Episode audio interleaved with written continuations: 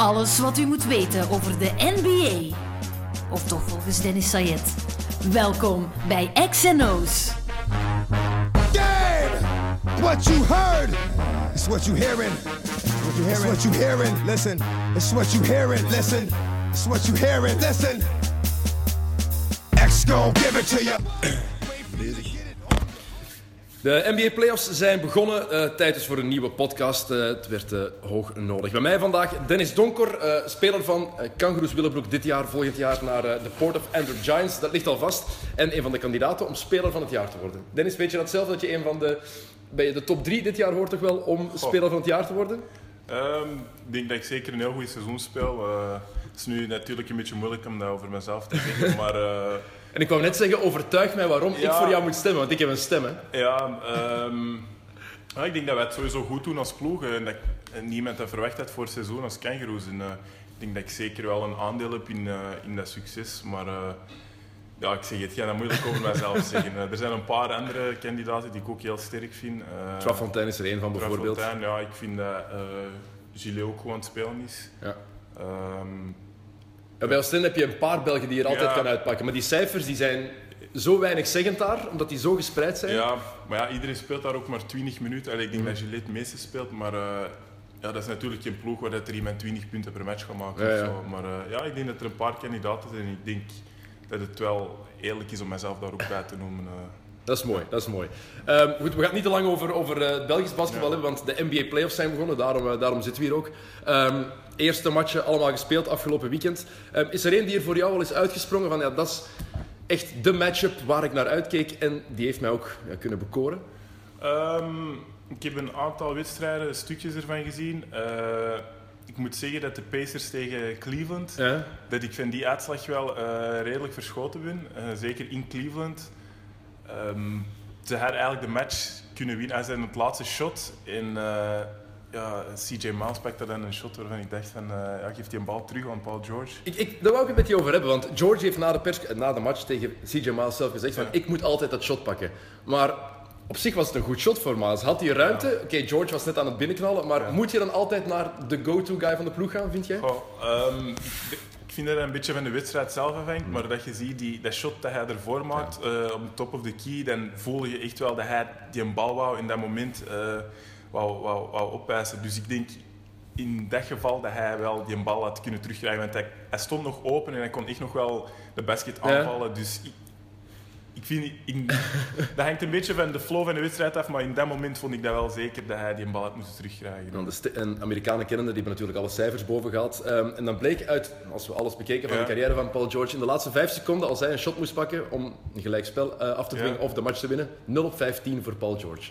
Het is niet dat CJ Miles daaraan aan het denken was, maar dan, als je dat weet, dan denk je ook van... Maar ja, zoals je zelf zegt, daarvoor, dat shot, top of the key, was big time. Met twee meter achter de driepuntlijn. Ja, zeker. Ja, Kyrie Irving die, die moet daar switchen, maar die, die zakt een beetje af en ja, dan eh, was genoeg ruimte voor hem. Kyrie Irving is een heel slechte verdediger. Daar moeten we ook eerlijk in zijn. Kyrie is misschien wel de... Het is heel subjectief, maar ik vind hem de mooiste guard in de NBA qua speelstijl. Hoe hij dribbelt is, is waanzinnig om te zien. Maar defensief is het echt een ramp. En hebben ze weer gevoeld in game one, hè? Ja, ik denk eh, sowieso op de point guard positie, als je daar moet verdedigen eh, in de NBA, dat is sowieso heel moeilijk. Mhm. Eh, als je tegen Russell Westbrook, ja, tegen, er zijn er zoveel die dat sowieso in 20, 25, 30 punten gaan maken. Dus ik vind het eigenlijk een beetje moeilijk om te zeggen. Volgens mij kan hij dat wel, maar. Hoe moet je dat zeggen?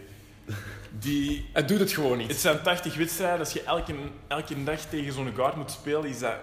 Ik denk ook niet dat dat makkelijk is. En die gaan er toch 25, 30 scoren. Dus ik vind dat een beetje moeilijk om dat zo... Maar in de playoffs moet je dat wel doen. Oké, in het reguliere Ja. seizoen heb je gelijk. In de playoffs heb je altijd minstens één of twee dagen rust. Ja. Dus je hebt daar de tijd om te recupereren. Daar heb je echt geen excuses om Ja. niet constant voluit te gaan. En als je dan Cleveland ziet, iedereen maakte zich zorgen. Hè, voor de playoffs begonnen, maar ze kunnen die knop wel omdraaien. En dan komt die eerste match en dan... Ja. Ik had niet gedacht dat ze het, nog, dat ze het weer uit handen zouden geven. En oké, ze ze, hebben nu gewonnen, maar... Ja, ik denk in ieder geval bij Kyrie Irving dat het niet... Ik denk dat hij dat zeker kan. Die is snel genoeg. Eh, ik denk dat hij snel genoeg is. eh, en sterk genoeg. Dus ik denk niet dat het daar aan ligt. Eh, verder ga ik me er niet over uitspreken. Is dat het type speler waar je het liefst naar kijkt in de NBA? Een, een Kyrie Irving? Of wat is eigenlijk jouw soort, ja, jouw soort NBA-speler waar jij het liefst naar, naar kijkt? Voor, voor mij persoonlijk, ik ben een grote fan van Devin Booker. En ook van Stephen Curry, die volg ik al van sinds dat hij bij Davidson Ja. speelt. Dus Shooters. ja, ik, ik, mijn favoriete spelers zijn meestal spelers waar ik mij een beetje aan kan spiegelen. Allee, ik vind LeBron ook, allee, ik weet dat hij ook een top, allee, van de, waarschijnlijk de beste speler is, maar het is moeilijk voor mij om dat mijn favoriete speler te noemen, omdat, dat, omdat ik daar eigenlijk niks van heb. Ja, zo maar zeggen. Ja. Ja, het is zo, je moet je een beetje kunnen vereenzelvigen Ja. met, met, met een bepaalde speelstijl. Jij bent ook een shooter, dus als je dan kijkt hoe... En ik vind Devin Booker inderdaad een mooie vergelijking. Nou, ik, eh, hoe dat hij van die screens komt, en die is 20 jaar en allee, iedereen noemt hem een shotter, maar die gaat ook naar de basket, die is atletisch, dus... Hij heeft 70 punten gescoord in één ja, match. Hè. ja, voor maar te zeggen, eh, ik, ja, ik ben daar echt een grote fan van, van Devin Booker. Eh, bestudeer, bes- bestudeer jij dat dan ook als je kijkt naar bijvoorbeeld hoe vroeger een, een, Rip Hamilton of een, een Ray Allen, hoe die over die screens Ja. komen, of een Clay Thompson. Bestudeer jij dat voor jouw matchen ook? Ehm, ja, ik kijk heel veel eh, highlights, ik heel vaak op YouTube. Dus ehm, ja, zeker die, die bepaalde spelers, hoe dat die, die screens gebruiken. Zeker Rip Hamilton genoemd daar iemand. Ik denk dat dat ook... Dat is ook niet de meest atletische speler, dat is niet de snelste speler, maar als je ziet hoe dat hij die screens leest en hoe dat hij daar toch zijn punten uitscoort en zijn, zijn ploegmaten mee, mee, eh, mee involved, zou ik maar zeggen, eh, ja, dat dat zeker wel voorbeelden voor mij zijn. Ik denk ook trouwens dat het iets is wat in België te weinig gedaan wordt. Nu heb je bij Elite Athletes bijvoorbeeld, Ja. daar wordt eraan gewerkt, bijvoorbeeld aan dingen waar ja, traditionele coaches te weinig aan denken, maar zo juist over Ja. screens komen, weg van de bal, zoals ja, Rip Hamilton heeft het pas nog gezegd, het ging over zijn tijd bij UConn, eh, universiteit, dat hij echt geleerd heeft om zoals Ray Allen over de screens te komen op de juiste manier, hoe wij dat moeten doen, wanneer temporiseren, wanneer niet.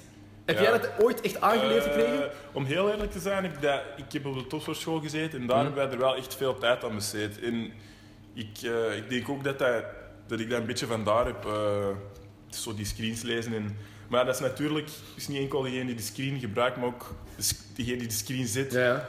Daar zijn er ook vaak, allee, er zijn niet veel big guys, vind ik, persoonlijk, die echt dat ook kunnen lezen. En bijvoorbeeld als je flaert en die is man nog eens uitscreenen of als je curlt om dan open te draaien. Het is meer dan gewoon stilstaan op screen zetten. Hè? Ja, ja, zeker. Dus ik denk dat dat een combinatie is van eh, ja, degene die die gebruikt Mm. en degene die die zit. En ja, zoals dat gezegd, ik denk dat er niet heel veel in België zijn die dat echt goed lezen en, en, en gebruiken. Ja, zeker. Ik denk vooral bij de kleinere clubs, de, de provinciale clubs, dat daar dan bij de jeugd dat het echt puur over de basics gaat dan. Ja. Die aangeleerd worden, de typische dingen. En dat die meer mo- eh, modern Ja. is misschien een fout woord, maar een, een stapje verder kijken gebeurt te weinig, denk ik. Bij de topclubs, je hebt met, eh, met Lux Mout samengewerkt vroeger, dus die, ik weet dat die daar ook wel aandacht aan besteden vroeger. Ja, maar ehm, nu om iets anders te noemen, ik was er deze week nog met Anthony over bezig. Eh wat Elite Athletes nu bijvoorbeeld doen, zo die moves en zo en al die dingen, toen wij 10, 12, 14 jaar waren. Allee, ik had zelf toen ook geen internet, dus wij zagen dat nergens. Wij moesten dat zelf, ja, ik zou het maar niet uitvinden, maar wij moesten dat op ons eigen leren. Maar nu, als je ziet hoe dat die, die ploeg van de Jurik, welke moves dat die allemaal doen, allee, dat, dat bestond bij ons vroeger niet.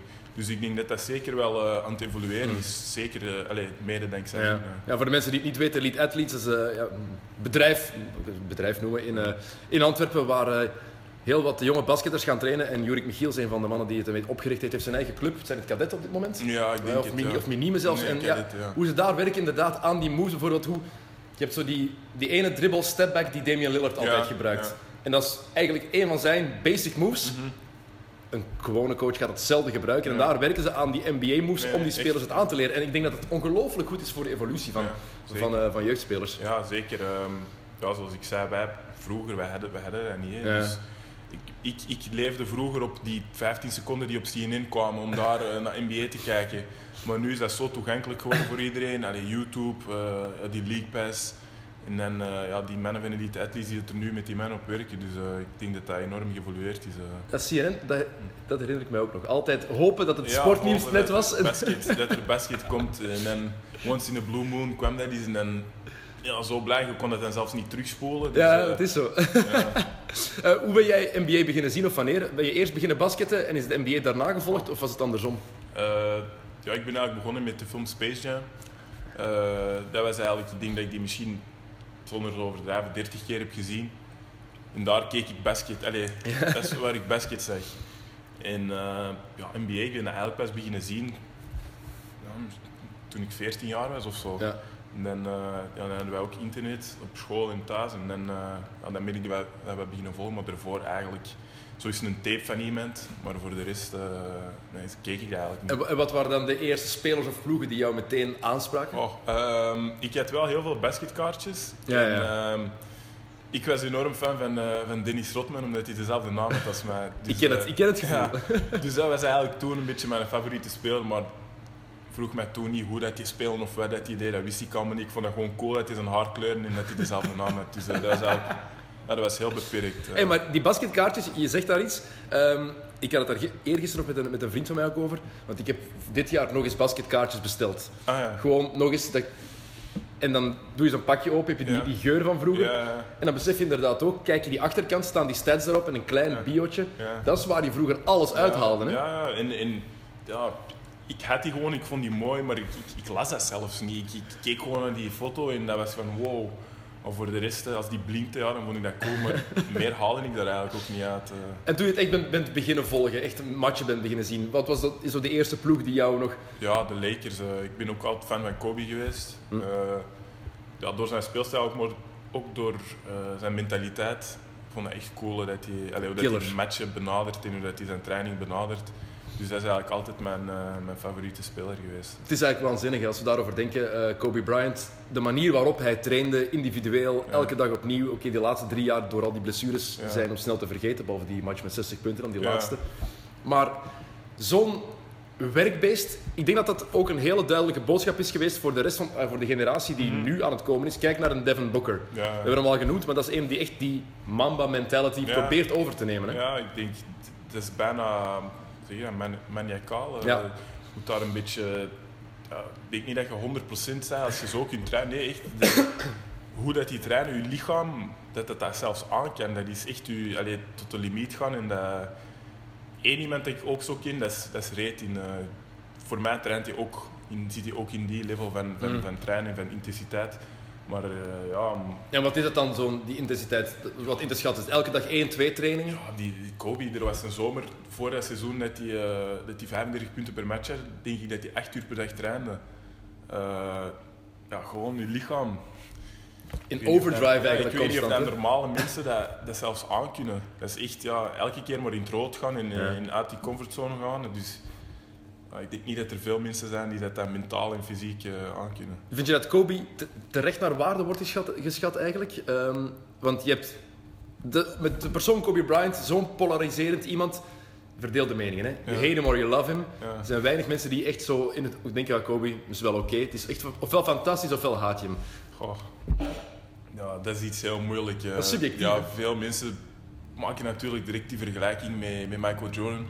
Omdat hij dat zelf altijd gedaan heeft. Hij heeft zelf altijd gezegd, ik wil zoals Michael Jordan zijn of beter. Ja. Ja, maar voor mij persoonlijk denk ik dat je dat, dat je moet proberen om naar zijn carrière gewoon te kijken. En als je naar zijn carrière kijkt, wat dat hij heeft gedaan, dan eh, vind ik dat heel moeilijk om, eh, om op hem te haten.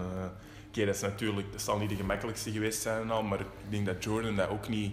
Iedereen Nee. praat over Jordan als de, de ideale schoonzoon, maar heb ook anekdotes gelezen en zo, waar, waarin dat, dat blijkt dat dat eigenlijk helemaal niet zo is. Het was een dikke eikel. Ja. Heeft, heeft Steve Kerr op zijn gezicht geslagen tijdens een training. En daarna heeft hij pas respect gekregen voor Steve Kerr. hè, Dat Ja, Dus Ah, wel, zie, je. dus ik denk dat dat een beetje... Dat mensen vaak naar Kobe zijn, eh, zijn karakter kijken en dat die denken van ja, dat is een klootzak of zo. En dat dat ook wel meespeelt waarom dat ze die niet graag Ja. hebben. Maar ik denk dat dat even goed telde voor Jordan. eh. ik denk dat het voordeel voor die generatie van Michael Jordan van jaren 80, jaren 90 is. Het was voor het internet. Hè.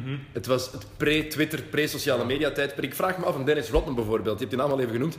Als Twitter of Instagram toen bestond Ja, in zijn een tijd. probleem geweest. Ja, of TMZ. dat was echt.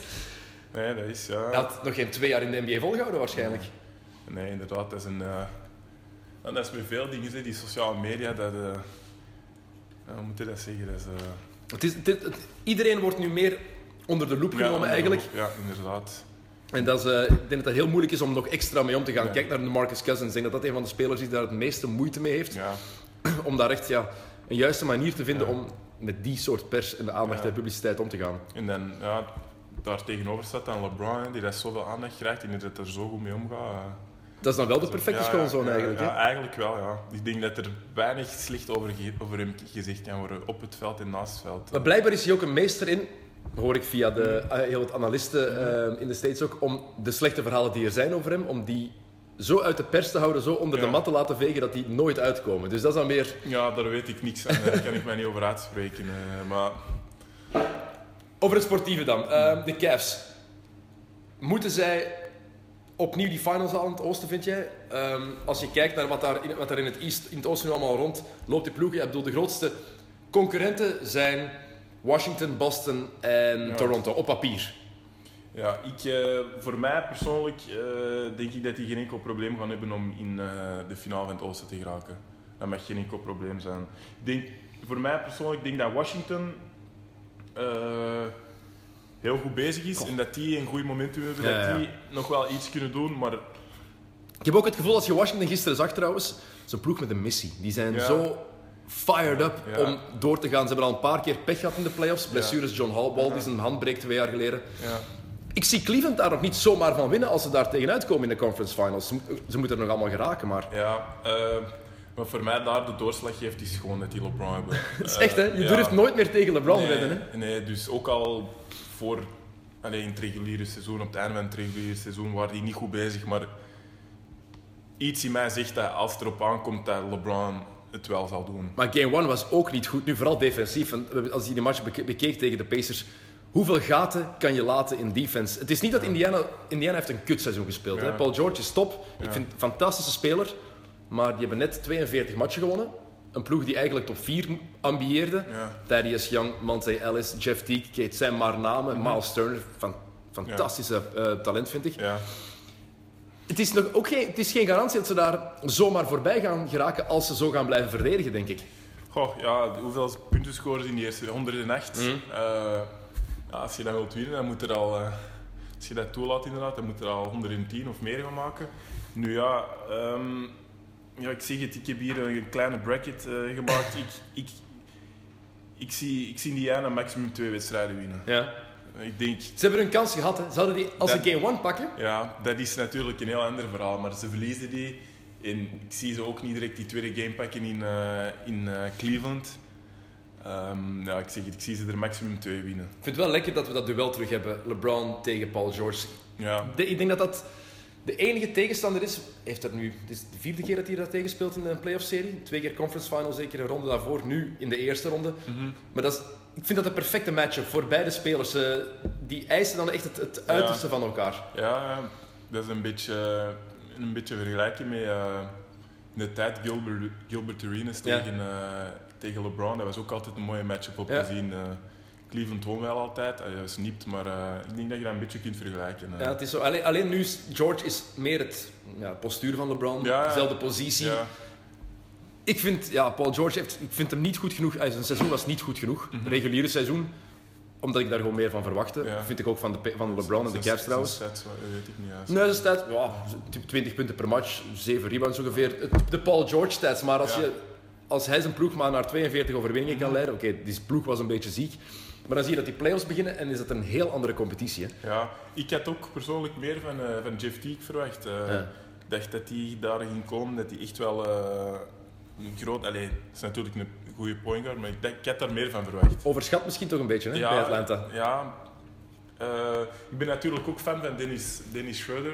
Niet omdat hij dezelfde naam heeft. Maar, eh, Het helpt, het helpt ja, een beetje. Ja, ik vond, ik vond ook altijd dat hij wel iets meer eh, burn verdiende daar bij Atlanta. Nu ja, Jeff Teague... Maar, Ja. Schreuder is niet goed genoeg om echt een eerste keuze op de point guard te zijn, vind ik. Voor een playoff ploeg. Hè. Voor, een, Ja. voor een, een lottery team wel, maar dit, dat is eigenlijk gewoon een hele, een hele goede backup. Maar Ja, wat hij, wat hij voor mij hem, eh, bij hem de edge geeft, is zijn, eh, ja, zijn, zijn zelfvertrouwen. eh. ik vind dat hij echt de manier waarop hij op veld staat, die denkt ook echt dat hij de beste is. Ja, en dat zo. maakt hij ook sowieso wat beter. Maar ik denk dat hij nog kan evolueren. Nu is nog geen, geen echte starting PG, zoals dat gezegd. Maar ik denk, allee, ik denk in de toekomst dat hij dat wel zeker kan zijn. Ook met zijn defense. Eh, die heeft ontzettend lange armen, die is super snel. Zijn shot is een beetje shaky, Ja. maar eh, ik, ik zie die zeker nog wel eh, een top point guard worden. blij- zijn ploegmaat zeggen dat hij blijkbaar een beetje te vaak denkt dat hij Kobe Bryant is. Ja, serieus? Ah, dat heb ik nog nooit gehoord. dat is- Ja, maar dat zie ik wel, ja. dat zie je inderdaad, Ja. dat, dat vertrouwen, dat, beetje, die, die- cocky edge die hij zo heeft. Hè. Ja, maar ik heb ook, ik heb ook ergens gelezen dat hij helemaal nog niet zo lang basket speelt, dat hij heel laat begonnen is. En eh, als je dan ziet hoe hard die, dat hij verbeterd is, of dat hij is geworden op een korte tijd, zie ik die nog ik zie die nog beter worden. Wat mij gewoon opvalt is, als je dan kijkt naar Jeff Teague en je kijkt naar Dennis Schroeder, voor mij is het bewijs hoe goed George Hill is en was voor Indiana. Want George Hill is zo'n speler die tot... Eigenlijk was dat de perfecte San Antonio Spurs-speler, Mhm. voor hij getrade werd voor Kawhi Leonard. Stil, hard in defense, Ja. hard werken, alles voor de ploeg doen en toch zijn 16 punten en 7 Ja. assists hebben. Ja, ja, die vliegt zo onder de radar. Hè. Nu weer bij Utah Jazz. Die hebben een schitterend seizoen, denk Ja. ik. Eh, ja, nu doet hij dat eigenlijk weer. Hè. Dus dat is zo'n point guard. Dat is een beetje zoals Mike Conley. Niemand praat daarover, maar ja, aan het einde van het jaar staat die ploeg er wel en heeft hij ook wel zijn stats. En je moet ook kijken welke ploeg. Conley zit bij Memphis. Ja. Mhm. Spreekt veel mensen niet aan. Nu, Paul, eh, ehm, zeg ik, eh, George Hill is nu bij Utah, komt van Indiana, daarvoor van San Antonio. Het zijn niet de drie meest sexy Nee, ploegen voor nee, de nee, casual NBA-fan.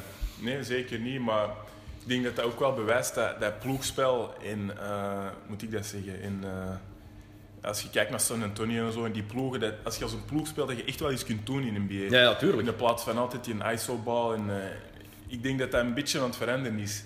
Zeker mede door San Antonio en eh, in ploegen zoals Utah. En, en, en, ja, de Pacers spelen ook wel ISO, maar eh, ja, zeker zoals Utah in, in, in, eh, in San Antonio. Maar ik heb het gevoel dat veel ploegen, alleen als het er echt op aankomt op het einde, dat je hebt die spelers die te veel hero-ball willen Mhm. spelen. Het is in elke competitie zo, op elk niveau. eh, dat ze dan alleen gaan willen doen. Ik zag het zelfs gisteren bij Golden State. Ze winnen hun eerste match, redelijk overtuigend. En toch dacht ik bij momenten, jullie houden van assists geven, die bal rond te laten gaan. Het is één pas en meteen die one-on-one, die isolation ac- actie. ja. Daar haal je geen succes. Oké, er is genoeg talent en ze gaan Portland met gemak uitschakelen, denk ik. Maar dat zijn dingen waar, ik, waar Cleveland bijvoorbeeld ook problemen mee heeft. Als zij dat beginnen doen, dan draait het ineens niet meer. Hè. Ja, maar ja, bij, bij de Warriors, als dat begint te lukken, volgens mij, als dat lukt, dan kunnen die echt ploegen echt belachelijk maken. Maar zoals je zegt, als dat niet lukt en ze bewegen een bal niet, dan, gaan die, dan kunnen die inderdaad wel wat problemen hebben, denk ik. En dan kunnen ze nog wel eens eh, verschieten van, eh, van, van bepaalde ploegen, denk ik. Het voordeel is natuurlijk, ze hebben een Kevin Durant daar ook rondlopen. Ehm, eh, als ik die in mijn ploeg heb als, als NBA-speler en ik wil toch ISO-bal spelen, ja, een small forward van 7 foot. Ja, ja ik, ik, om heel eerlijk te zijn, ik, ben, ehm, ik kijk eigenlijk liever naar Euroleague dan naar, eh, Ja? naar NBA. Eh, Thomas van den Spiegel die gaat het ergens graag horen dat hij Ja. dat zegt. Ja, ook gewoon hoe dat die ploegen spelen. En ja, ik vind die ISO ik vind dat gewoon vaak niet de slimste oplossing. En ik denk, soms denk ik van, allee, als die ploegen nu iets slimmer zouden zijn en die gebruiken echt wat ze hebben en die spelen op een bepaalde manier, dan zouden die zoveel meer kunnen doen. Maar dat zie je ook de goede momenten. Kijk naar Cleveland. Als zij op hun best zijn, dan is dat die, een goed shot dat wordt, dat wordt opgegeven voor een geweldig shot. Ja. En dan maken ze iedereen kapot. En dat is met bijna al die topploegen. En dan, Mhm. daarom dat ik dat soms niet snap en dat mij dat echt frustreert persoonlijk, dat ze teruggrijpen naar die ISO-bal. Het werkt. Kijk hoe, hoe goed jullie zijn als die bal rondgaat. Waarom moeten jullie nu Ja. even... Waarom moet Kyrie Irving de bal 15 seconden vast hebben, 20 keer door zijn benen dribbelen? Fantastisch om te zien. Maar Ja, datzelfde gevoel heb ik. Daarom dat ik zeg dat ik vaak li- eigenlijk liever naar Ja. kijk dan naar, eh, naar NBA. ja. Maar ik heb daar geen verklaring voor. Ik, ik, snap wa- waarom. En daarom dat je bijvoorbeeld zegt van zo'n teams als Utah, als eh, San Antonio, dat die, dat die je extra aanspreken, omdat die net die bal Ja. laten gaan. Ja. En dat is ook voor mij, daarom vind ik bijvoorbeeld de serie tussen de Clippers en Utah zo interessant. Mhm. Omdat je twee verschillende ja, speelstijlen toch wel hebt. Hè. De Clippers die heel ISO-heavy zijn, tenminste, de play die ze altijd gebruiken is gewoon pick and roll of pick and pop met Chris Paul. Mhm. Blake Griffin of Chris Paul en DeAndre Jordan. Dat is het Ja. bal naar JJ Redick of Jamal Crawford die mag toveren. Ja. Dat zijn bijna de plays die ze hebben. En dan heb je Utah en daar kan het letterlijk van alle kanten aan komen. alle kanten, ja. Ik denk dat dat ook heel gevaarlijk is. Eh, ja, om nu, ik wil dat niet vergelijken met onze ploeg, maar bij Kangaroos, eh we hebben ook niet één speler die er bovenuit zit. Ja. Het kan ook van verschillende kanten komen. Ik denk dat dat ook ons gevaar is. En als je dat dan vertaalt naar een NBA met, met de atleten dat die hebben en met, de, met het talent dat die hebben, als moesten die dat implementeren in hun spel, dan zou die echt, volgens mij, ja, als een ploeg dat echt zou doen, dan zou die er echt bovenuit steken. Een ploeg met veel talent zoals de Clippers, of, dan, zou, dan zou die echt eh, ja, quasi onverslaanbaar zijn. Ja, ik. denk ik ook. En dan, maar dan zie je bijvoorbeeld bij Utah, hebben ze wel een Joe Johnson. Ja. ISO Joe, wordt niet voor niks zo genoemd Nee, natuurlijk. nee, nee. En die kan dan een match beslissen Ja. door een isolation play op het einde. Ja. En, maar dat, dat mag dan. Dat, ja, dat vind, ik, dat vind ik ook. Als je dan op het einde, als je een speler hebt die dat er echt voor gekend is, en soms heb je dat gewoon nodig. Ja. Je kunt niet altijd eh, passing game spelen of dingen. Soms heb je zo'n speler nodig. En dan, als dat goed uitgebalanceerd is en je hebt dan zo'n ene speler zoals Joe Johnson, eigenlijk een beetje een veteraan is die niet altijd een bal opeist, maar die wel op de belangrijke momenten het kan beslissen, denk ik wel dat dat zeker iets goed is om eh, in de ploeg te hebben. Ja, een serie die wel eh, waarde verloren heeft nu. Meteen eerste play van die, van die serie. En Rudy Gobert, die blesseert Ja. zich aan de knie. Hoe zuur kan dat zijn voor, niet alleen voor, voor Utah, maar gewoon voor de hele playoffs? Ja. Dit, want dat was een beetje zo voor de basketbalnerds, de, Ja. de serie die je echt wilde zien. Van, ja. Utah tegen de Clippers, twee verschillende stijlen. 4 tegen 5. Ja, ik denk... eh, Ze winnen nog wel die eerste match en pakken het thuisvoordeel af, maar ik vrees ervoor. Ja, als je ziet, niet alleen de bloks dat hij zit, maar de shots dat hij altert. Het feit dat hij gewoon in de paint staat, dat, dat maakt het zo moeilijk voor ploegen. Ik heb spelers... Ziet hoe spelers over hem proberen geraken met wat voor shots, dat is echt gewoon belachelijk. Hij is ook hier echt groot. Hè. Ik bedoel, Ja. je, hebt, je big guys, maar dit is echt nee, nee, die die is is- 22 en... Ja, die is echt groot en heeft echt lange armen. En die, die gebruikt dat ook. Dus, eh, En ik denk dat we vaak onderschatten, je praat over die, die shotblocking en Ja. dat storen, maar hij is heel verstandig in positie innemen. Ja. Mhm. Altijd staat hij op het juiste moment in de paint. In Europa is het gemakkelijk, je kan blijven staan. Ja. In de NBA is het, je mag maar drie seconden staan en je moet één voet uit de paint gezet hebben. ja, inderdaad. En ik vind, ik denk dat het vaak onderschat wordt, maar als je daarop let, je een hele match alleen naar Gobert kijkt, Ja. dan zie je hoe, hoe goed hij is in positie Ja, nemen. die weet ook exact wanneer het moet gaan. Want er zijn heel veel big guys die gaan helpen voor te gaan blokken. En die, die dat blok dan missen in hun man pakt een aanvallende rebound en die liggen die dan binnen. Ja. Maar ik denk dat hij heel goed is in het inschatten daarvan. Om te zien van, oké, wanneer kan ik het halen, wanneer niet. En ga met een man dan een aanvallende rebound pakken. Dus ja, ik denk dat die, dat zal volgens mij ook mee te maken hebben dat hij in Europa is eh, geschoold. En eh, ik denk dat het er ook iets mee te maken Nou, heeft. weer, een, weer een draft stealen. eh, weer Ja, een Fransman die op het einde van de draft wordt gekozen en die, die geweldig blijkt te zijn. Net zoals Tony Parker, Boris Diaw, Ja. Nicolas Batum. Allemaal mannen die laat gedraft zijn. Al denk ik dat Gobert wel een van de ja, absolute toppers uit Frankrijk kan worden als hij zich zo blijft evolueren en als hij ja, terug gezond wordt. Ja, zeker. Ja, ik denk dat hij ook heeft een max deal, denk ik. Ja. Heeft hij al getekend? Ik weet niet of hij al getekend Het kan hoor, maar ze, gaan hem zo, ja, ze moeten hem wel een max deal geven. Het is de beste verdedigende center in de NBA. Ehm, Dwight Howard gaat het niet meer, eh, niet meer worden. Nee. Al lang niet meer. Moet hij voor jou ook Defensive Player of the Year zijn, Gobert? Want je hebt de drie topkandidaten, hè? Kawhi Leonard en Draymond Green en dan en Gobert nu.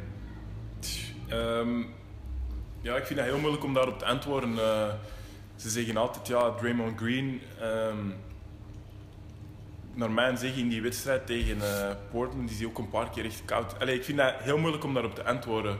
Want wij is een goede defensieve speler. Vaak zijn er, worden er spelers gekozen als Defensive Player of the Year. En dan denk ik zo van, ja, waarom kiezen ze die? Dus voor mij is dat eigenlijk Kawhi Leonard. Omdat hij op de bal goed is en die is ook in helpside goed. Ehm, maar ja, je kunt ook argument maken dat Stephen Curry een goede verdediger is, omdat hij veel steals Ja, maar- pakt. Maar dat vind ik niet Nee, aan de orde. dat is, Ehm, dat is totaal niet representatief ja. inderdaad, die cijfers. ja, dus ik vind dat een beetje moeilijk, maar als ik zou moeten kiezen, dan zou ik Kawhi Leonard pakken. Het ding is, het is zo'n beetje zoals Greg Popovich als coach van het jaar. Kawhi Leonard zou elk jaar Defensive Player of the Year kunnen Ja. zijn, zoals Popovich al, elk jaar coach van het jaar. Maar ik denk dat Draymond Green, wat je zegt, is een paar keer inderdaad koud gepakt. Maar het zijn ook defensieve afspraken die je hebt. En als je Ja. kijkt naar de Warriors en het systeem dat Ron Adams daar geïnstalleerd heeft, het is Draymond Green die alles bepaalt. Hè. Ja. Hij stuurt iedereen, hij, Ja. hij bepaalt wie waar naartoe moet. En de rest van die ploeg, Zaza Pachulia, is niet een ge- geen geweldige verdediger. Iguodala, Clay Thompson zijn degelijk. En Durant is dan de rim protector. Ja. Je, je ziet dat die ploeg zich daar nog wel een, terug een beetje aan moet aanpassen. Durant is terug, dus onze defensieve systemen Mhm. Ja. zijn ook weer, weer anders. Ja, ehm, Dat viel mij gisteren tenminste op, dat je zag van ja, dit Golden State moet daar echt nog aan werken. Ja, en in de eerste en de tweede helft, afgelopen nacht, ah, gisteravond waren al het complete, het complete tegengestelde. En ik kijk naar die eerste helft waarin Lillard en McCollum ja, totaal niet te houden waren. ja. Ehm, en de tweede helft spelen ze dan een heel ander soort Mhm. defense en gaan ze daarop collapsen. En, ja, ik denk, eh, allee, ik denk dat het heel moeilijk zal zijn voor eh, Lillard en, en eh, McCollum om dat vol te houden. ook als Nurkic terugkomt. Ja, komt hij terug? Dat wist ik. Dat is, heeft, heeft opgewarmd gisteren, maar het Ja. ding is, zijn, zijn been kan het gewicht aan, want hij heeft een breuk eh, in, zijn, eh, in zijn scheenbeen, kan het gewicht aan, Ja, maar kwestie van pijn. En hij heeft gewoon nog te veel pijn om te spelen. ja. Dus het is mogelijk dat hij klaar is voor game 2. ja, dat zal zeker een meerwaarde zijn. En als je ziet, bij dat hij heeft gedaan sinds dat hij bij Portland is, ik denk dat hij dat ervoor ook al kon, maar die kreeg gewoon niet veel kansen door eh, die Jokic dat Ja. zat, denk ik. Ehm, Ja, die combinatie werkte gewoon niet bij Ja, Denver. ja, dat zal sowieso een meerwaarde zijn, maar ja, ik zeg het, ik, ja, die, kunnen, die hebben te weinig firepower, denk ik, om daarmee te matchen. Eh, Ja. Ook al verdedigen die goed, Golden State gaat nog altijd zijn 100 punten maken. En ik denk niet dat eh, Portland dat elke wedstrijd kan doen. Het zou ook niet mogen als je kijkt wat voor seizoen Nee. ze weer gehad hebben bij Golden Ja. State en die ploeg. Ja, Met alle respect. Ehm, de Warriors zijn... Maar Golden State, ehm, Portland is wel een ploeg, dat record, wat is 41 of 42, 40. Het is niet representatief voor het talent dat er daar rondloopt. Ze hebben gewoon een, voor het All-Star Game een vreselijk seizoen gehad. Ze hadden denk ik 22 en 33 jaar. Ja. Dat is gewoon niet, niet goed genoeg. Ehm, van het westen even naar het oosten. Gisteren nummer 1. Boston tegen Chicago. Ehm, Chicago zorgt voor de stunt door te gaan winnen in Boston. Met Jimmy Butler, die weer compleet bonkers Ja. was. Speelde een fantastische match, weer al. Elke keer als de Bulls trouwens op TNT zijn in de States, Ja. speelden die goed. Hè? Het was gisteren weer zo. TNT-game. En winnen. En voor de rest zijn die echt baggers. Ja, ik, ik, ik denk niet dat het er echt iets mee te maken is Nee, maar zal het is echt toeval elke keer dit jaar zo, hè? Het hele seizoen al. Ja. Het zal waarschijnlijk wel niet bij, inderdaad niet te samenhoren, maar je ziet bij Chicago ineens een Rondo die begint te verdedigen voor het eerst in het seizoen. Ja. Jerry Grant die begint binnen te knallen. Bobby Portis had gisteren 21 punten of zo. Is het, is het, een, is het die white shoe? Die Nee, dat is die, eh, die ken big guy. Dat is die, eh, die big guy die eh, wat is het, twee jaar geleden gedraft zijn eerste playoffs. En gisteren was hij on fire van achter de driepuntlijn. Ja, om heel eerlijk te zijn ben ik niet echt fan van Chicago. Eh, ik ben echt geen fan van Rondo. Eh, omdat ik vind elke ploeg waar die naartoe gaat, naar Boston, Ja. eh, ja, da- daar gebeurt het gewoon niet. Eh, En die, die ploeg wordt ook altijd ziek, hè? Ja, inderdaad. Dus daar ben ik al geen fan van. En ik vind de combinatie van eh, Jimmy Butler en eh Dwayne Wade een beetje... Ik vind die niet complementair, zal ik maar zeggen. Iedereen zei voor het seizoen, deze ploeg heeft te weinig shooting. Het gaat een probleem zijn. Ja, Iedereen wist dat. En het is effectief gebeurd. En nu Ja. zijn de playoffs daar. En gelukkig hebben ze Jimmy Butler, die een ja, top 10 speler is dit jaar. ja, Die evolutie die hij gemaakt heeft, is eh, Kawhi Leonard en Jimmy Butler, die twee. Ik denk dat niemand is die zo geëvolueerd is van een, en Paul George, van een rookiejaar tot nu. nee, zeker. Maar ik denk dat eh, die hebben ook echt wel... zeg, die hebben ook echt wel kansen gekregen. Die hebben echt minuten... Die, ik ben overlaatst nog eens Jimmy Butler zijn stats gaan opzoeken. Eh, Mhm. Een van de eerste seizoenen speelde hij echt wel veel en waren zijn stats niet Bij Tom Thibodeau, ja. ja, niet, niet, niet waanzinnig of niet, niet graaf. En die heeft die minuten echt wel blijven krijgen. Ik denk dat dat er ook wel mee te maken heeft. Toen was het echt een pure defensieve specialist. Hè? Ja, eh, ja dat zie je bij Kawhi Leonard ook. Ik denk dat ervoor niemand naar hem keek als een aanvallend, eh, Ja, ja. echt een wapen. Maar ja, als je echt die, als je 80, meer dan 80 wedstrijden speelt op een jaar en je krijgt die minuten, dan, dan gaat je wel een soort van aanvallend spel eh, creëren, denk ik. Dus ja, ik denk dat dat bij die twee gebeurd is. Emotionele match trouwens ook gisteren. We hebben Jimmy Butler was top, maar eigenlijk draaide alles om Isaiah Thomas. Ook al hebben de Celtics die match verloren. Eh, zus van Isaiah Thomas eergisteren nacht overleden in een auto-ongeluk, 22 jaar. En dat was de vraag, gaat hij spelen of niet? Zie je voor de match, warming-up, zie je beeld van een huilende Thomas die getroost wordt door Avery Bradley. Aangekondigd worden door, door de speaker, tranen tijdens het volkslied, tijdens een minuut stilte. Ehm, en veel mensen die zeggen, ah, ik snap niet dat hij dat gedaan heeft. Ik heb ongelooflijk veel respect voor Isaiah Thomas. En gisteren, ik heb echt heel het eerste kwart een kippenvel zitten kijken. Ja. Omdat hij, met was, hij was letterlijk met tranen in zijn ogen aan het spelen. Maar ik snap wel dat hij dat gedaan heeft. Dat is het enige wat hij nu even kon doen om zijn gedachten ook op nul te zetten. Ja, ik ehm, moet nu zelf zeggen dat vaak voor buitenstaanders, eh, ik zou nu maar zeggen, als er iets bij mij is, iets erg, en dan stellen sommige mensen mij de vraag van, ah, ga, jij, ga jij nog trainen of ga jij nog naar die wedstrijd? En dan, voor mij is dat vanzelfsprekend om, om te gaan. En nu ja, bij hem is er iemand overleden. Ik denk dat het voor, heel mensen voor veel mensen moeilijk is om te begrijpen dat hij nog die wedstrijd kan spelen. Maar zoals dat je zegt, ik denk dat dat op dat moment het enige is waar dat hij nog zijn gedachten even kan verzetten. En dat dat een beetje van een, een houvast is, om, eh, om het zo maar te zeggen. En daaraan zie je ook hoeveel dat die sport betekent voor die, eh, voor die mannen. Natuurlijk, ik, toen ik mijn vader heb verloren, een paar dagen later heb ik zelf ook meteen een match gespeeld. En zei van, ja, nu toch niet van, jawel, want je wilt dat die gedachten verzetten. Dat is het enige moment dat je er niet aan denkt, of minder. En als je daar wel aan denkt, is ik speel die match voor hem, of bij Thomas nu, voor haar. En ik vond dat gisteren heel duidelijk. Geen enkele emotionele reactie na een scoren, stoïcijns. En je zag echt vooral, dat is wat mijn hart altijd een beetje brak, als je op de bank ging zitten. Gebroken mannen, echt Ja. compleet in elkaar zakken. Ja. Ehm, het is dan wel knap, want je kan zeggen, hij speelt, dat is al chic. Hij scoort wel 33 punten ook nog. Hè? Ja, Hij speelt nog een waanzinnige match, terwijl het complete rouw is. Ja, dan zie je hoe, hoe mentaal sterk dat hij is en wat voor een mentaliteit dat hij heeft. eh, dat hij dat dan nog kan doen. eh, ja, ik denk dat dat, eh, dat superveel respect verdient. Ehm, ze verliezen wel die eerste match. Verrassend. Maar ik denk dat de Celtics het nog moeilijk gaan hebben met deze Bulls. En dat is het erge. We gaan er echt nooit van afgeraken van dit Chicago. Ja, eh, die hebben die eerste wedstrijd gepakt en dat is echt eh, een heel belangrijke, Ja. denk ik. Dus die hebben direct dat thuisvoordeel weggegeven. En ook dat vertrouwen, dat groeit nu waarschijnlijk ook bij de Bulls. Eh, als die nu het juiste momentum te pakken krijgen, dan eh, zal dat inderdaad... Volgens mij gaan dat een lange series worden. Ja, ik, Ik vrees er ook. Ik denk ook dat het zeven matchen gaan kunnen worden. ik Hoor. denk, ik denk zeker zes, maar ik denk dat het zeven wedstrijden gaan worden. Zeker nu dat de Bulls die eerste wedstrijd eh, gepakt hebben. En het is bij de Celtics, die, die, die serie, als ik daar nu aan denk, als ik aan die ploeg denk, ik denk niet aan het succes dat ze dit jaar kunnen hebben. Maar ik denk aan, ah, volgend jaar, wat, wat gaan ze dan doen? Ze hebben die eerste draft, eh, ze hebben de, een top 3 pick waarschijnlijk. Tenminste, Ja. de pick van de Nets gaat naar hen. Ja. En de Nets slechtste ploeg in de NBA. Dat is al een voordeel. Ehm, maar dan vraag ik me af, moeten ze Isaiah Thomas wel houden? Is die wel... Hij is top, Hmm. maar ga je daar verder mee bouwen? Ga je daar titels mee winnen? Ik vind het echt heel moeilijk. Ik heb, ik, want als je ook zegt, defensief, als Jerry en Grant erin slaagt om je mee naar de basket te nemen, puur op kracht, heb je een probleem. Dat is Ja. puur door gestalte. Ja, voor mij, voor mij is dat wel echt iemand waar dat je franchise rond, eh rondbouwt. Ja, als echt eerste optie? Ja, ik denk, eh, iedereen heeft die altijd overlooked, maar eh, die blijft dat toch maar doen. Zie wat hij dit jaar weer doen, wat hij vorig jaar gedaan hebben. Eh, ja, zijn statistieken gewoon al. Nu ja, dus zoals je zegt, defensief is dat misschien niet top omdat hij zo klein is, maar Dat is, puur fysiek is het echt een nadeel gewoon. ja, maar ik, voor mij, als je zo iemand hebt, dan laat je die niet zomaar gaan. Want je kunt beginnen spreken over ja, die een draft pick en daar gaan we rond. Maar dat is allemaal niet zeker. Nee, is waar. En, en nu hebben ze zo iemand. Dus ik denk zeker dat ze dat, dat, ze dat zeker moeten proberen. eh. Dus ze gaan waarschijnlijk, als ze de nummer 1 draft pick hebben, is het ofwel Lonzo Ball ofwel Markel Fultz. Een van Ja. die twee die gaat komen. Het zijn twee guards die nummer 1, waar iedereen van verwacht dat ze nummer 1 gaan, gaan zijn. Dus Eh, is dat gezegd dat ze, als de Celtics die nummer 1 pick hebben, wordt, dat zouden- is wat ja, verwacht wordt. Je weet dat nooit. Het kan altijd een verrassing zijn. Hè, maar Fultz of Ball wordt van gezegd, dat moet de nummer 1 pick worden. Een van, van die twee.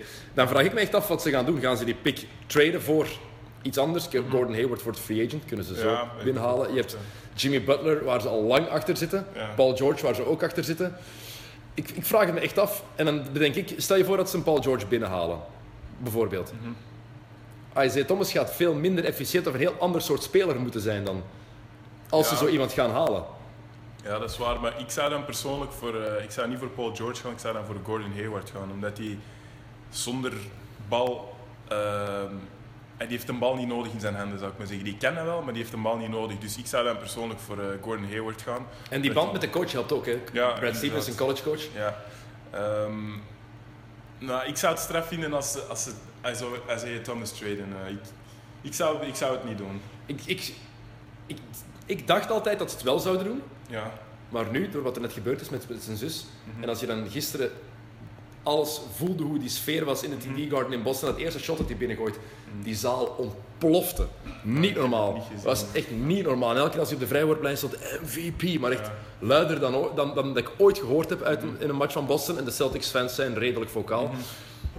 Ik, die gaan ze niet zomaar meer laten gaan. En nu ho- hoort hij bij, bij een DNA, denk ik. Ja, ik denk dat het misschien ook een beetje zal afhangen van hoe dat de playoffs Ja. eh, gaan verlopen. Als ze eruit liggen tegen, Ja. tegen Chicago. Als ze in, in die eerste ronde hier gaan verliezen, dan kan het wel eens zijn dat ze de koers helemaal omdraaien. Eh, ik, denk, ik denk dat het daar ook mee te maken zal hebben. Want als ze doorgaan, en we verwachten nog altijd dat de highest seeds doorgaan, is Ja. Boston dat doorgaat en Washington. Ja. 1 tegen 4 in de tweede ronde. Ik hoop dat dat lukt, want die ploegen haten elkaar. Hè. Denk aan eerder dit jaar dat eh, de, de Wizards naar Boston kwamen, helemaal in het, eh, in het zwart gekleed Ja, voor, de ja, fu- ja. voor de funeral game. Ik wil een paar funeral games zien tussen die twee ploegen. Ja, ik denk eh, dat Washington ook spelers hebben die echt zo'n chip op hun, op hun shoulder hebben. Allemaal. John Wall en, en Bradley Beal. Zoals dat je zei, die hebben ook al veel pech gehad. Eh, en die vinden hun eigen ook gewoon echt... Ik heb die een paar keer op een interview gehoord. Die vinden hun eigen echt ja, de shit. Die denken echt dat ze de beste zijn. en, ik weet dat Isaiah Thomas dat ook van zijn eigen denkt. Dus ik denk dat dat echt wel een mooie matchup gaat worden. En eh, heb je Jay Crowder tegen Markieff Morris, Ja. dus hart tegen. Ja, ja. Avery Bradley die in de face van Bradley Beal zal verdedigen. Thomas tegen Wall. Ehm, ik hoop echt dat we die matchup krijgen in de tweede ronde. Dat we niet Washington tegen Chicago, of laat het uit, Chicago tegen Atlanta te zien krijgen. Want dat is puur objectief over het basketbal dat we kunnen zien. De ploegen zelf, kan mij echt niks meer schelen. Dat is geleden van toen ik een tiener was dat het mij, dat, mij dat nog kon schelen. Je wil het beste basket Ja, zien. inderdaad. En daarom willen we ergens ook de Cavs in de tweede ronde tegen de Raptors. Tenminste, de Raptors als die een beetje beginnen ballen. Want dan heb je de Bucks gezien en Giannis eerste playoff match en, van het seizoen. En die is meteen fantastisch. Career high in de playoffs. En dan komt Toronto daartegen en hebben we weer playoff Kyle Lowry. En ik vraag me echt af, hoe komt dat dat Kyle Lowry elke keer als de playoffs eraan komen, sukt? Ik heb daar echt geen verklaring voor. Ja. Is dat mentaal, denk je? Ja, dat, eh, ja, dat kan niet anders. hè. Dat, zal, dat is iets mentaal dat er bent. Misschien dat hij een beetje meer druk voelt of zo. Dat dat toch... eh, ja, dat kan echt wel veel doen. Zo. Als je zo'n kleine twitch in je hoofd krijgt Ja. en dat je een beetje meer begint na te denken of een beetje meer hesitatie hebt, dat, eh, ja, dat kan echt een wereld van verschil zijn. Maar ik denk niet dat Milwaukee eh, uit die eerste ronde eh, gaat geraken. Als je de match bekijkt, ik heb de match ook gezien Ja. tegen, tegen, tegen Toronto. ehm, Lowry 2 op 11, komt terug van die polsblessure. Oké, dat zal ook wel meewerken. Maar ik, Milwaukee is een heel sterk geheel ook. Dat is ook zo'n ploeg. En dat is het ding, ja. Maar Met een goede defense. Ja, maar eh, ik weet niet of dat, dat juist is wat ik kan zeggen, maar Jabari Park is ook uit, denk Ja. ik. hè? Heeft zijn kruisband weer gescheurd. Ja. En het rare is, sinds hij uit is, zijn ze dus beter. Hè? Chris Middleton is teruggekomen. En die, een, eh, die, die een high school speler natuurlijk. Eh Ton Maker, of eh, Ja. Ton Maker is blijkbaar. ah, maar die, is ook, die heeft dat ook niet slecht gedaan. Start, hè? Die eerste wedstrijd. Ja? Maar ja, ik weet het niet. Ik denk dat Toronto daar toch gaat uitkomen. eh. Het zou moeten. Hè? Op papier, als je die ploeg bekijkt, ze hebben Ibaka er nu bij, Valenci- Dat vond ik vreemd. Ehm, de, de, de beste verdedigers in de post daar zijn John Henson, speelt niet. ja. Greg Monroe kan niet verdedigen. Doet zijn job fantastisch de laatste maanden, maar op zich is het geen goede verdediger. Valanciunas moet... Dit is een serie waarin Valanciunas 25 punten per match moet scoren. Of moet kunnen scoren. Ja, Feed the big guy. ja, dat wou ik net zeggen. eh. als big guy is het vaak niet makkelijk om, eh, om je eigen shot te creëren als je een bal niet hebt. Allee, dat is onmogelijk. Dus eh, ja, ik denk dat dat als ploeg eh, gesproken zal moeten worden en dat die een slim beslissing zullen moeten maken van hem toch de bal te geven. eh. Want er is genoeg rond. Je hebt DeMarie Carroll, heeft wel een shot. Het is Mhm. niet meer de Carroll van Atlanta sinds zijn blessure. PJ Tucker komt van de bank. Mhm. Hele goede gasten van de bank te laten komen. Corey Joseph heeft een shot. Je hebt genoeg vuurkracht daar rond om ook eens die bal inderdaad inside te pompen. En laat Valanciunas eens 20 punten in een helft scoren en ze inside pijn doen. Dan moet Jason Kidd zijn defense aanpassen. Mhm. En is die ruimte daar weer rond. En nu had ik het gevoel dat enkel DeMar DeRozan zijn niveau haalde. Ja, ik heb de wedstrijd zelf niet gezien. Maar eh, ja, als je die matchup bekijkt, eh, dan moet inderdaad Valanciunas eh, de bal krijgen. Ja. Meer En- kan ik daar niet over zeggen. In eh, het westen, ehm, OKC tegen Houston matchup waar iedereen toch wel naar uitkeek. Vooral voor, ja, voor heel simpel. hè, Ja. Voor eh, Westbrook tegen Harden, de twee MVP-kandidaten. Eh, het is de klassieke vraag het hele jaar al. Wie is voor jou de MVP? Goh, ik heb daarover nagedacht. En, Vreselijk, hè? Ja, voor mij een eerste vraag die je moet stellen is: wat is een MVP voor u? En voor mij is dat als je die speler uit die ploeg houdt, of als die niet meedoet, wat dat die ploeg dan nog kan doen, of, of hoeveel slechter dat die worden. En ja, als je Westbrook daar weghaalt, dan denk ik dat dat een ramp is. En, en Houston. en En, Houston zelf, het is juist hetzelfde. Dus ik heb daarover in ja, LeBron eigenlijk op dit moment eh, ook, denk ik. Als je LeBron er weghaalt, dan zal dat ook ineens storten. Maar tussen Harden en, en Westbrook is het heel moeilijk voor mij om daar echt iemand... eh, Ik zal het je zo vragen. Ehm, stel je voor, we wisselen Harden en Westbrook om.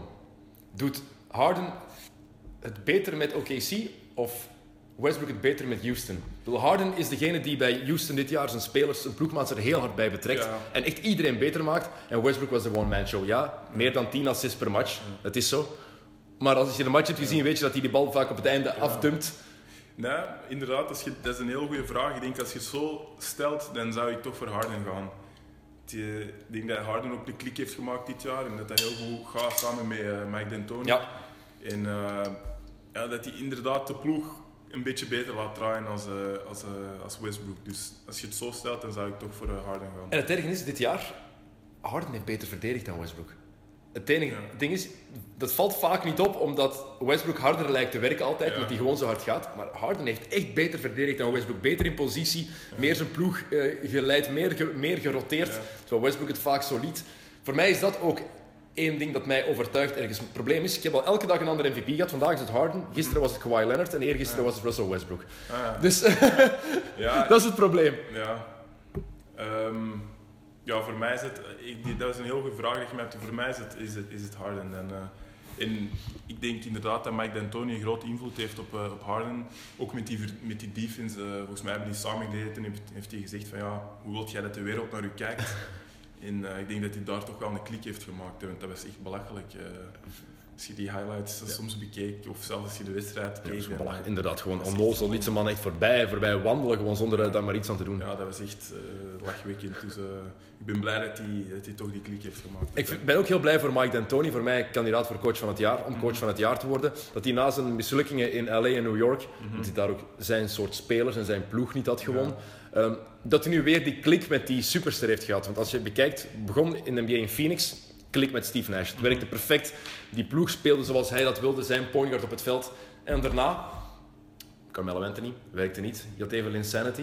Daar heeft Carmelo ook goed voor gezorgd dat het gedaan was. Kobe Bryant bij de Lakers werkte ook niet. En nu James Harden, weer een speler die die filosofie omarmt, mhm. ook zo wil spelen en dat dat werkt. En zo bewijst Mike D'Antoni nog eens dat hij echt wel een goede coach is en dat die periodes bij New York en LA totaal niks, niks zeggend zijn. Nee, ja, het is vaak moeilijk om een coach uh, te beoordelen, denk ik. Er zijn zoveel factoren die, die meespelen om, om, uh, om te zien of dat, of dat een goede coach is. Ja. En uh, ja, nu, ja, dit jaar klikt dat. En ja, nu bewijst hij dat, dat hij echt een goede coach is. Ja. En mag coach van het jaar worden. Um, Spoelstra was ook kandidaat geweest. Miami dat net de playoffs mist nadat hij... Wat waren ze begonnen? 11 overwinningen en 30 nederlagen in het begin van het seizoen. En daarna is het gewoon omgedraaid. Hè? Dus, met die ploeg, ik blijf het waanzinnig vinden. Ja, maar ik denk dat het heel moeilijk kan zijn om uh, een ploeg die, uh, die de playoffs niet haalt, om daar uh, de coach van het jaar uit te halen. ik ook. En ook, wat ook voor mij de meerwaarde geeft van Harden over Westbrook is ja, gewoon die record, de record van de ploeg. hoeveel overwinningen 55 of zo ja. Houston. En is 48 denk ik. Het is ja. een zeven matchen verschil, maar het zijn wel zeven, zeven matchen. wedstrijden, dat is, toch, dat is toch wel significant vind ik. Dus, en iedereen zegt dan, ja, maar Houston heeft de betere ploeg, Harden heeft de betere omkadering. Ik ben het daar op zich niet mee eens. Harden heeft meer shooting. Met Gordon, met Anderson, met Williams. Dat zijn betere shooters dan OKC heeft met Oladipo. Robertson kan helemaal geen shot pakken. Maar je hebt Taj Gibson, je hebt Steven Adams, je hebt um, Enes Kanter. Voilà, dat is niet dat het allemaal slecht is. Hè, dat, is ook, dat is een startende biga in, in andere ploegen. Hè. Dat is een starter. Hè. Ja hoe dat die in aanval, uh, dat is echt... Ik denk dat veel mensen die onderschatten, maar dat is echt, die kan echt balen. Hè. En ze laten die van de bank komen, ja. dat dat nu nog zo is. Uh, ja, die, die, ook echt wel spelers. Hè. Die, die naar Breen is, mensen zullen die ook onderschatten, maar die gast die een boom hangen. Hè. Die gaat niet voor niks van Barcelona, nee. maar ook zie ook wat je zegt, dat is een geweldige shooter inderdaad. inderdaad. En, ja, die wordt misschien gewoon niet genoeg gebruikt of niet juist gebruikt. Maar ik denk dat OKC zeker wel en Lou Williams komt er ook pas later bij. Hè. Ik denk dat de OKC zeker ook wel uh, een solide ploeg heeft. Het ding is ook, deze ploeg was gemaakt om twee supersterren te omkaderen. Mm Durant en Westbrook. Durant is weggegaan. En dat is wat voor mij het, ja, de case is om Westbrook MVP te maken. Niet die triple-doubles, want triple-doubles, met alle respect, zijn overrated. Mhm. Dat is heel knap. Maar Oscar Robertson, iedereen zegt van ja, één keer triple-double gemiddeld. Het jaar daarvoor en drie jaar daarna had hij 9,4 rebounds en 9,8 assists of zo. Dus dat is net... Is het dan minder indrukwekkend? Nee, hij heeft gewoon net niet dat gemiddelde. Um, dat is ook een stat die pas is uitgevonden midden jaren 80, de triple-double, omdat Magic dat toen vaak deed. Dus als Will Chamberlain dat had geweten in de jaren 60, had hij ook wel eens een triple-double gemiddeld gehaald. Dus, maar het ding is, Westbrook is erin geslaagd om het vertrek van Durant op te vangen met deze ploeg. En maar zeven of acht matchen minder te winnen dan het jaar daarvoor met Kevin Durant. En dat is wat, het, wat, wat ik zo knap vind. En de manier waarop. Kijk naar die laatste match tegen Denver. Ja. Hij in de laatste twee weken heeft hij drie, vier matchen alleen gewonnen. Tegen Orlando, Dallas en Denver. Heeft hij helemaal alleen die ploeg teruggebracht. Ja. Lang, het is van, misschien van Kobe geleden dat ik iemand dat alleen zo heb zien doen. Ja, dat is, ja, het blijft een moeilijke discussie, maar ik kan het toch houden op, ja. uh, op, op Harden. Uh... dat is het probleem. Daarom dat ik dus elke dag van mening verander, ja. dat er zoveel argumenten zijn voor iedereen. En dan heb je Kawhi Leonard, wat je al zegt, de beste verdediger van de NBA, intrinsiek zeker. Het is, ja. Om heel eerlijk te zijn, heb ik niet genoeg gezien van uh, San Antonio dit jaar om, om daar een uitspraak over te doen. Maar uh, ja, ik weet wel dat zijn aanvallend spel ook gewoon echt... 25 punten per ja, jaar. Dus ja, dat is ook al geen tegenargument meer. ja, het is heel moeilijk. Wie, wie dat het wint, zal het verdienen. Ja. Um, wat denk jij, wat wordt het in de conference finals bij uh, beide conferences, uh, Oost en West? Je hebt al gezegd, Cleveland verwacht je sowieso. In de Eastern Conference Finals is het dan... Ja, ik heb Cleveland-Washington. Ja, Dat is Eh, mijn, mijn gok ook op dit moment. Ik durf, ik zeg het, ik durf nooit tegen LeBron. Nooit tegen LeBron. Ik heb. Washington eh, in, in, in zeven wedstrijden over eh, Boston eh, gezet. Dus ik denk als die tegen elkaar spelen dat dat ook wel eh, spannend zal zijn. Maar ik, ik geef voordeel aan Washington. En in het westen? In het westen heb ik eh, Golden State tegen San Antonio. Spurs. Ja, Ja. omdat ja, iedereen overloopt de Spurs altijd en er wordt niet over gesproken tijdens het seizoen. Maar als je kijkt naar de laatste 20 jaar, denk ik dat dat de meest dominante franchise is. En Het voorsprong. hoe dat die, ja, die staan er altijd. En ik vind het gewoon moeilijk om daar tegen te, Mm. daar tegen te stemmen. Iedereen zegt ook vaak van ja, maar kijk hoe, hoe Kawhi Leonard ook dit jaar omringd is. Maar als je die, we moeten daar ook eerlijk in zijn. Hè. Pau Gasol is echt totaal niet meer de Pau Gasol die we van bij de Lakers kennen. Integendeel, LaMarcus Aldridge is ook van een cliff gevallen dit jaar. Ehm, Tony Parker is oud, Manu Ginobili is oud en daarmee bedoel ik die spelen oud. Ja, je hebt Perry Mills die goed van de bank komt, maar er is niemand. LaMarcus Aldridge is de, op, is de tweede beste speler. En er is niemand die daar zo echt nog extra bovenuit steekt. Dus die, Ja. die supporting cast wordt echt overschat, denk ik. Die compenseren dat met spel IQ. eh, En met een geweldige coach. ja, en met een goede coach. Dus eh, ja, zoals ik ervoor al zei, ik denk dat dat zeker eh, in de NBA een, een grote meerwaarde is. Ja. Als, als je slimme spelers hebt in een ploeg, allee, in, in een echte ploeg. Zoals je het juist het, het, talent beschreef, dat is misschien niet meer de meest talentvolle ploeg, maar kan daar moeilijk tegen. En eh, iedereen kent ook zijn rol daar. Hè. Dat is ook het voordeel. Iedereen weet perfect wat hij wel of niet mag doen. En het grappige is wat je zegt, ja, het re- reguliere seizoen wordt daar niet over gepraat. Als er over de Spurs wordt gepraat, wordt er gezegd, er wordt niet over gepraat. ja. Dat is echt altijd hetgene, hetgene eh, dat, daar, eh, dat daar terugkomt. Hè. Dus redelijk, redelijk opvallend. Goed, om af te sluiten. De eerste ronde van, van deze playoffs nog. Welke, wat, wat wordt het nog in deze matchups? Is er één waar je van denkt van dit gaat de distance gaan? Dit wordt, eh, ja, wordt er een die we zeker moeten blijven, blijven volgen. Want er zijn een paar waar je nu al van weet van ja, dit ja, gaat geen vette meer worden. Ehm, ik, ik, hoop, ik hoop dat Cleveland Indiana eh, zeven matchen gaat, maar ik, ik vrees er een beetje voor. Ehm, ik zou Houston tegen OKC zeker in doog omdat, ja, zoals dat je zei, die niet, er zitten niet zoveel wedstrijden tussen. In Westbrook, ja, dat is ook gewoon, ik, zie die niet, ik zie die niet gewoon afgaan met 4-1 of 4-2. Nee. Dus ik denk dat die echt wel, ik denk dat die, dat die matchup ook ver gaat gaan.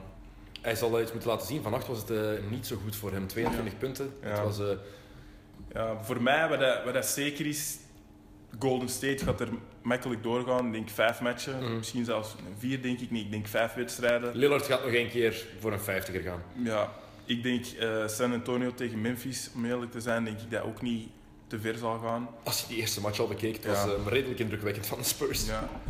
En ja, Toronto, Milwaukee. eh, dat Milwaukee die eerste wedstrijd pakt. Jammer dat, ehm dat dingen er niet bij is, Jabari Parker. Maar eh, ik denk dat dat ook vrij ver zal gaan. Je hebt Janis. Hè. Ja. Is most improved player dit jaar, zonder twijfel. Wat een heerlijk talent is dat. Ja. Zo lang. Die heeft, een paar keer heeft hij heeft zo'n dunkel aan één keer met links. Ja. De- hij sprong zelfs amper. Hè. Nee, nee, ja, ik weet niet wat zijn wingspan is, maar dat is inderdaad eh, echt indrukwekkend. Hij is 7 foot, dus hij is 2 meter 13 en heeft hij van die gigantische armen. Mhm. Dus hij is, ja, het is nog een grotere freak of nature dan Kevin Durant Ja, ooit is geweest. En ik denk dat dat ook echt wel een, eh, een werkbeest is. eh. Ja. Ik weet dat natuurlijk niet zeker, maar van Ja, de dingen die ik gezien heb, denk ik echt Ik wel. ben twee jaar geleden in Milwaukee geweest, naar Ja. een match gaan kijken, training gaan zien ook. En Ja. Het is een harde werker. Ja, kijk ook naar zijn lichaam. Zo'n lichaam, als je ervoor ziet, dan was je, zoals mijn pink. En als je hoe dat hij nu er al uitziet, dat, dat krijg je ook niet zomaar. Dus eh En is 22, hè? hij is 22 jaar. 22 jaar, dat hè? ja, dat is scary. eh. Jordan was 22 toen hij de NBA inkwam. ja. Om maar te zeggen, en hij zit al in zijn, wat is het, derde jaar nu op dit moment, denk ik. Dit is een vierde zelfs, een vierde. Dus het gaat, eh, hij wordt er 23 dit jaar, het gaat eh, belachelijk snel. Eh, goed, om af te ronden. Ehm, jullie op weg naar de playoffs nu met Kangaroos. Ehm, heb durf jij wel uitspreken van ik wil voor de halve finale of finale gaan? Want als je dat vraagt in het Belgisch basketbal, is er niemand die durft zeggen van ja, we gaan, wij gaan daarvoor. Het is altijd heel, ja, we zien wel match per match. Ja, nee, dat is, dat is, dit jaar is dat heel moeilijk om dat te zeggen, omdat buiten Oostende dat iedereen van iedereen kan winnen. Dus ik denk dat het ervan zal afhangen. ehm, Van matchups een beetje, Ja. tegen wie je uitkomt. ja, dat ook, maar ook wie dat op het juiste moment piekt. Eh, ik denk als je die laatste drie, vier wedstrijden, het zijn er nu nog zes, maar als je, als je nu nog een push kunt maken, als je met een goed momentum in die playoffs kunt beginnen, denk ik dat, als dat voor ons het geval is, denk ik dat wij van niemand uh, bang moeten hebben. Uh. Dus het doel is de finale. Dat is het, uh, het ja, ultieme ja, doel ik is toch... denk, Ja, tuurlijk. Denk, je, als, je, als je daar niet aan denkt, dan moet je er niet aan beginnen. Nu ja, ik denk dat voor het seizoen niemand had gedacht dat wij hier gingen staan. Mhm. Maar ik kan u dat heel eerlijk zeggen, in het begin van het seizoen, na één week, wist iedereen wel van wat dat we in de ploeg hadden en wat dat we konden doen. Dus uh, om nu te zeggen, wij gaan in de finale staan, dat, dat kan ik niet nee, zeggen. maar het is wel waar je voor gaat. Maar tuurlijk, als je daar niet voor gaat, dan moet je niet, dan moet je niet hè? dan moet je er ook niet aan beginnen. Dus Heel, dan, helemaal mee eens. Anders dan denk je al dat je gaat verliezen, dus nee. en dan misschien zelfs tegen de Giants uitkomen in de playoffs. Zou, je dat, Ha. zou dat een conflict zijn voor jou? Voor je geweten?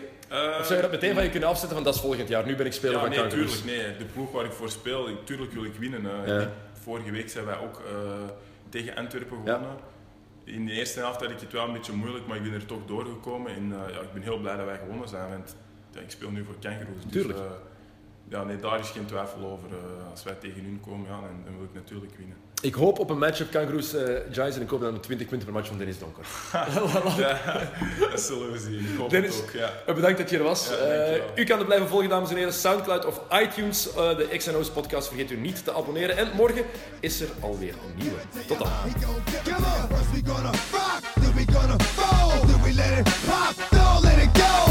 Gon' give it to he gon' give it to.